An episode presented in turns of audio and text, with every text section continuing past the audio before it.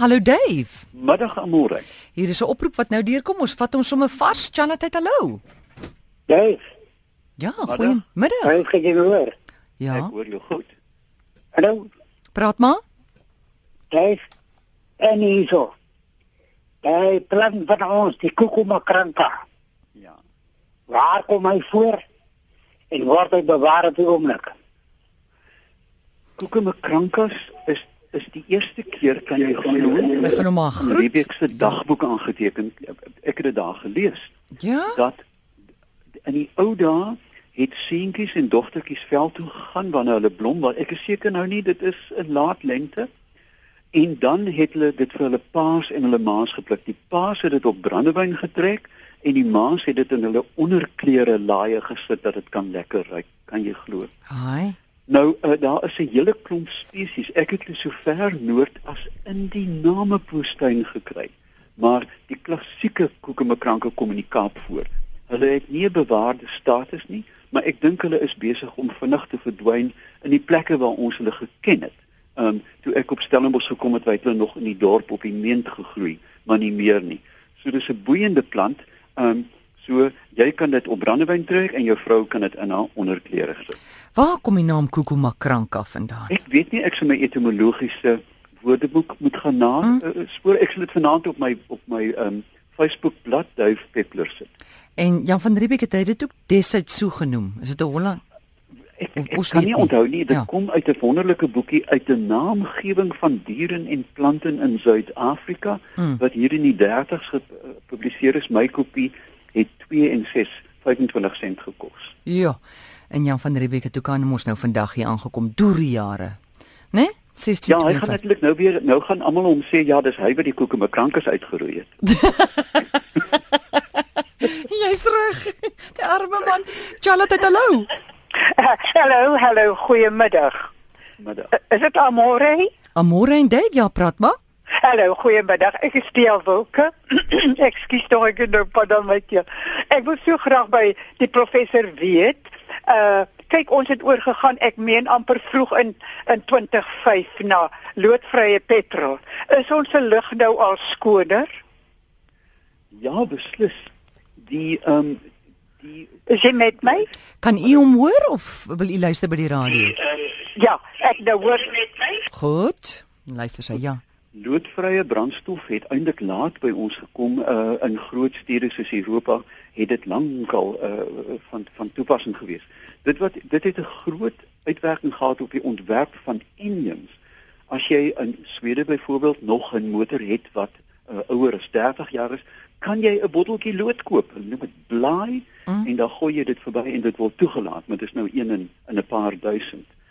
Ehm um, 'n mens kan die uitwerking daaraan meet In Amerika byvoorbeeld word patrante gebruik om veevoer te produseer in droogtetye. Is dit nie 'n oulike idee nie? Baie. Plant eenvoudig die patrant met gras en lucern, maar hulle kon dit nooit gebruik as gevolg van die hoë loodvlakke daarin nie, dan moet die stomme beeste dit nou ontgaan. Mm.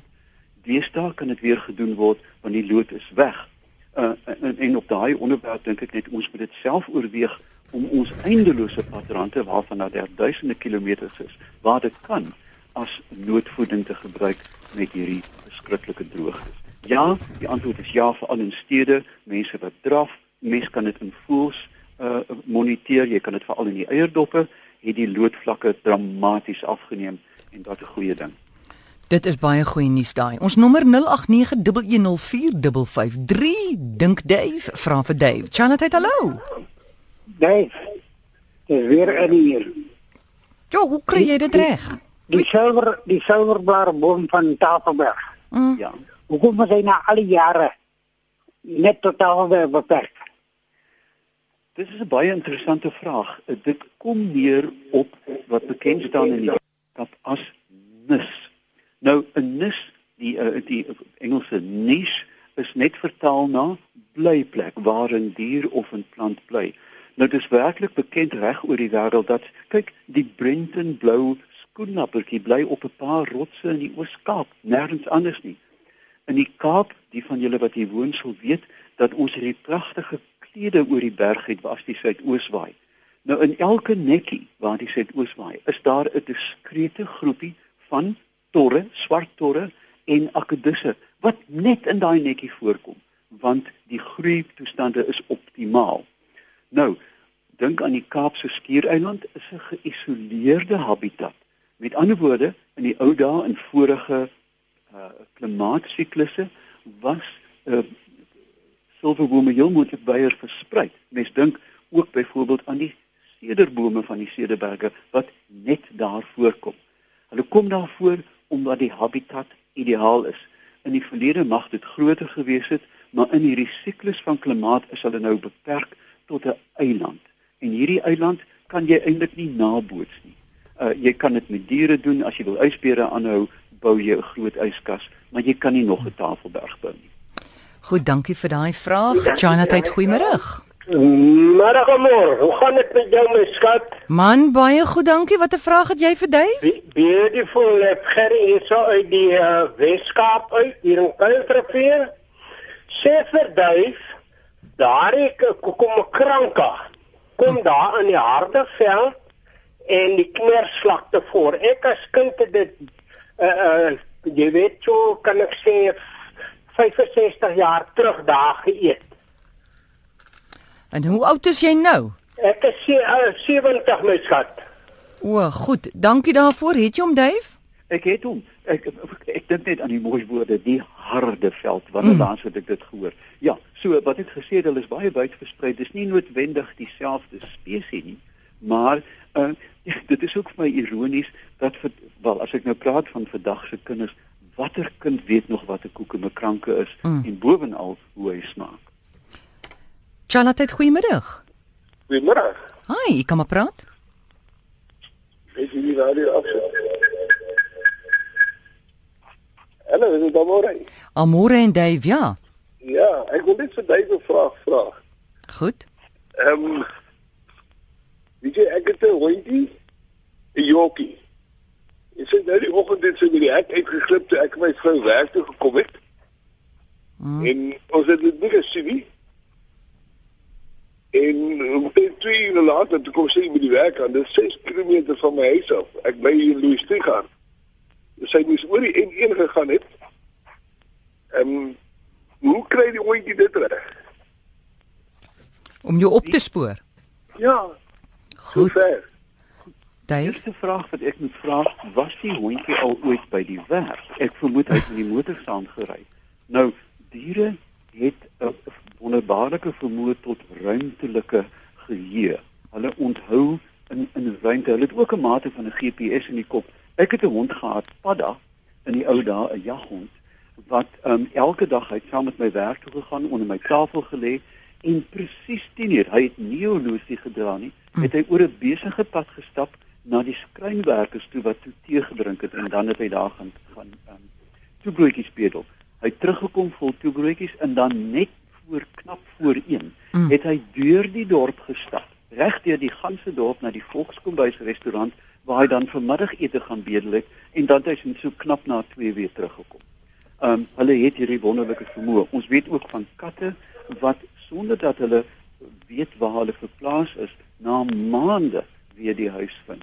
So 'n mens moet aanvaar daar's goed wat ons kyk ons kan nie die diere ondervra nie, maar ons weet ons eksperimenteel met rotte dat hulle baie gou 'n doolhof kan memoriseer, veral as daar 'n beloning is. So ek is glad nie verbaas dat die jockie dit gedoen het nie. So die jokkie was al seker een keer met jou huis toe. Ag, werk toe, werk Of toe. werk toe. Werk toe ja. Ja, werk toe. Ja, nee, as hy eenmal gegaan het, het het het daai het daai pad of die die die die omgewing of die spesifieke punt in Mm. daai klein klein koppie van 'n jockie bly steek. Ja, dis wonderlik. Dankie vir jou oproep. Ja, nee, baie dankie. Goed, totsiens. Laaste vraag. Iemand sê met al hierdie besoedeling, eh, is is die riviervis nou nog eetbaar? 'n Hengelaar wil dit weet. Is dit wat het dit wat? As jy met al die besoedeling in ons riviere, kan mens darm nog 'n riviervis eet, varswatervis? Wil 'n hengelaar weet. Ja, ek sou amore versigtig wees.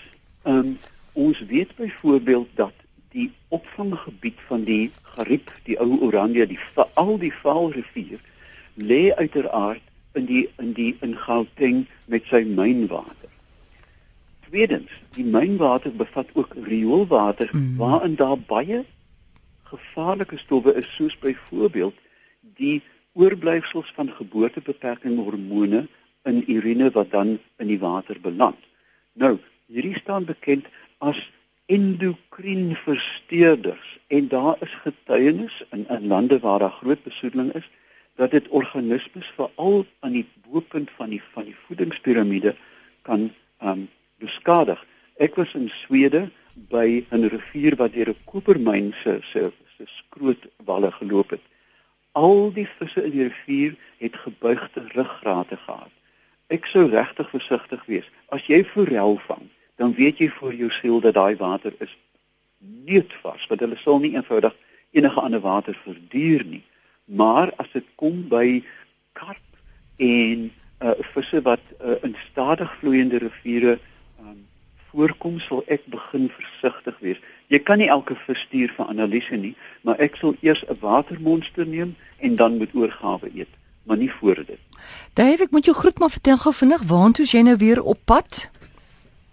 Kan jy glo aan môre alweer Rwanda toe? Ek was vroeër verjaar daar en daar so navraag na die gorillas 21 tot 31 um, Mei is ek weer op pad uh, vir 'n baie kort, dit is 'n 7 dae toggie, um, waar ons in die savannes van Oos-Rwanda begin by Akagera en dan reg oor die land ry na die reënwoude waar ons letterlik in die voetspore van Dian Fossey gaan loop en dan afsluit teen die Kivu-meer wat lê aan die grens van die DRK.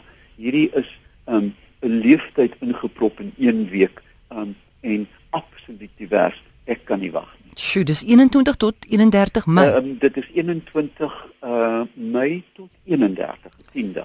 Goed, en dis saam met Live the Journey Dis en saam met Live the Journey en ek sal ook die webwerf dan op ons op my Facebookblad plaas. goed, wat 'n ervaring vir 'n Dit week is ek kan nie wag. na Rwanda. Dave, baie dankie vir al hierdie inligting en mense gemaak 'n draai by Facebook, kyk by Dave Peppler. Lekker aand vir jou tot volgende week. Selfe vir julle.